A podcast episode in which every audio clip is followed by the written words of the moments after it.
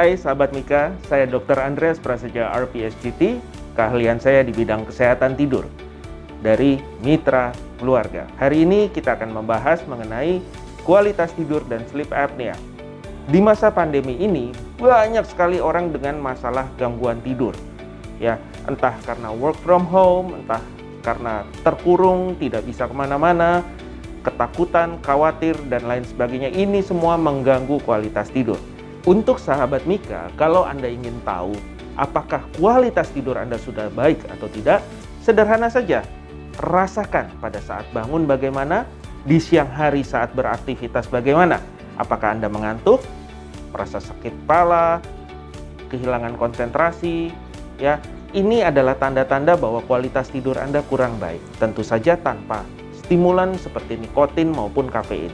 Gejala gangguan tidur ada dua yang utama, Pertama, insomnia. Yang kedua adalah hypersomnia. Pada masa pandemi ini, insomnia bisa dikeluhkan karena kekhawatiran, ketakutan akan virus yang menyebar di mana-mana. Tetapi yang orang lupa adanya gangguan irama sirkadian yang mengakibatkan insomnia. Manusia adalah makhluk irama di mana kita ada bangun pagi, aktivitas, ada waktunya kita harus ke belakang, ada waktunya kita lapar untuk makan, haus, dan lain sebagainya. Keluhan kedua yang banyak dikeluhkan adalah hypersomnia. Penyakit utama yang paling sering menyebabkan hypersomnia atau kantuk berlebihan adalah sleep apnea. Sleep apnea ditandai dengan mendengkur. Sleep apnea artinya adalah henti napas saat tidur. Kita sudah tahu sekarang penelitian-penelitian terbaru menyatakan bahwa sekitar 20% penderita COVID yang di ICU ternyata adalah pendengkur. Segala gangguan tidur akan menurunkan daya tahan tubuh. Ini harus dipahami.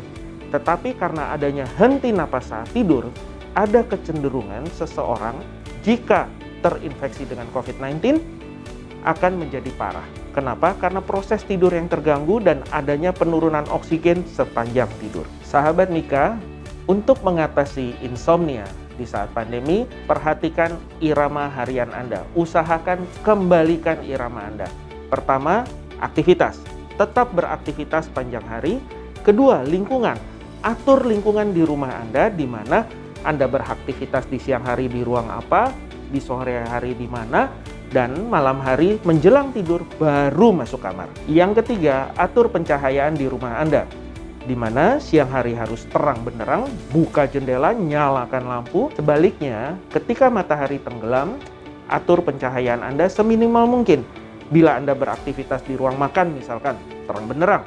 Tapi ruang keluarga di sebelah yang tidak ada aktivitas, gelapkan. Sehingga otak Anda akan tahu bahwa ini di malam hari. Jangan remehkan dengkuran. Jika ada keluarga Anda yang mendengkur, ada kemungkinan sleep apnea. Sleep apnea menjadi masalah serius bagi penanganan COVID-19. Sahabat Mika, jika Anda ada insomnia atau mendengkur, segera hubungi kami. Kita bisa melayani lewat telekonsultasi atau langsung datang ke Mitra Keluarga. Mitra Keluarga, Life, Love, Laughter.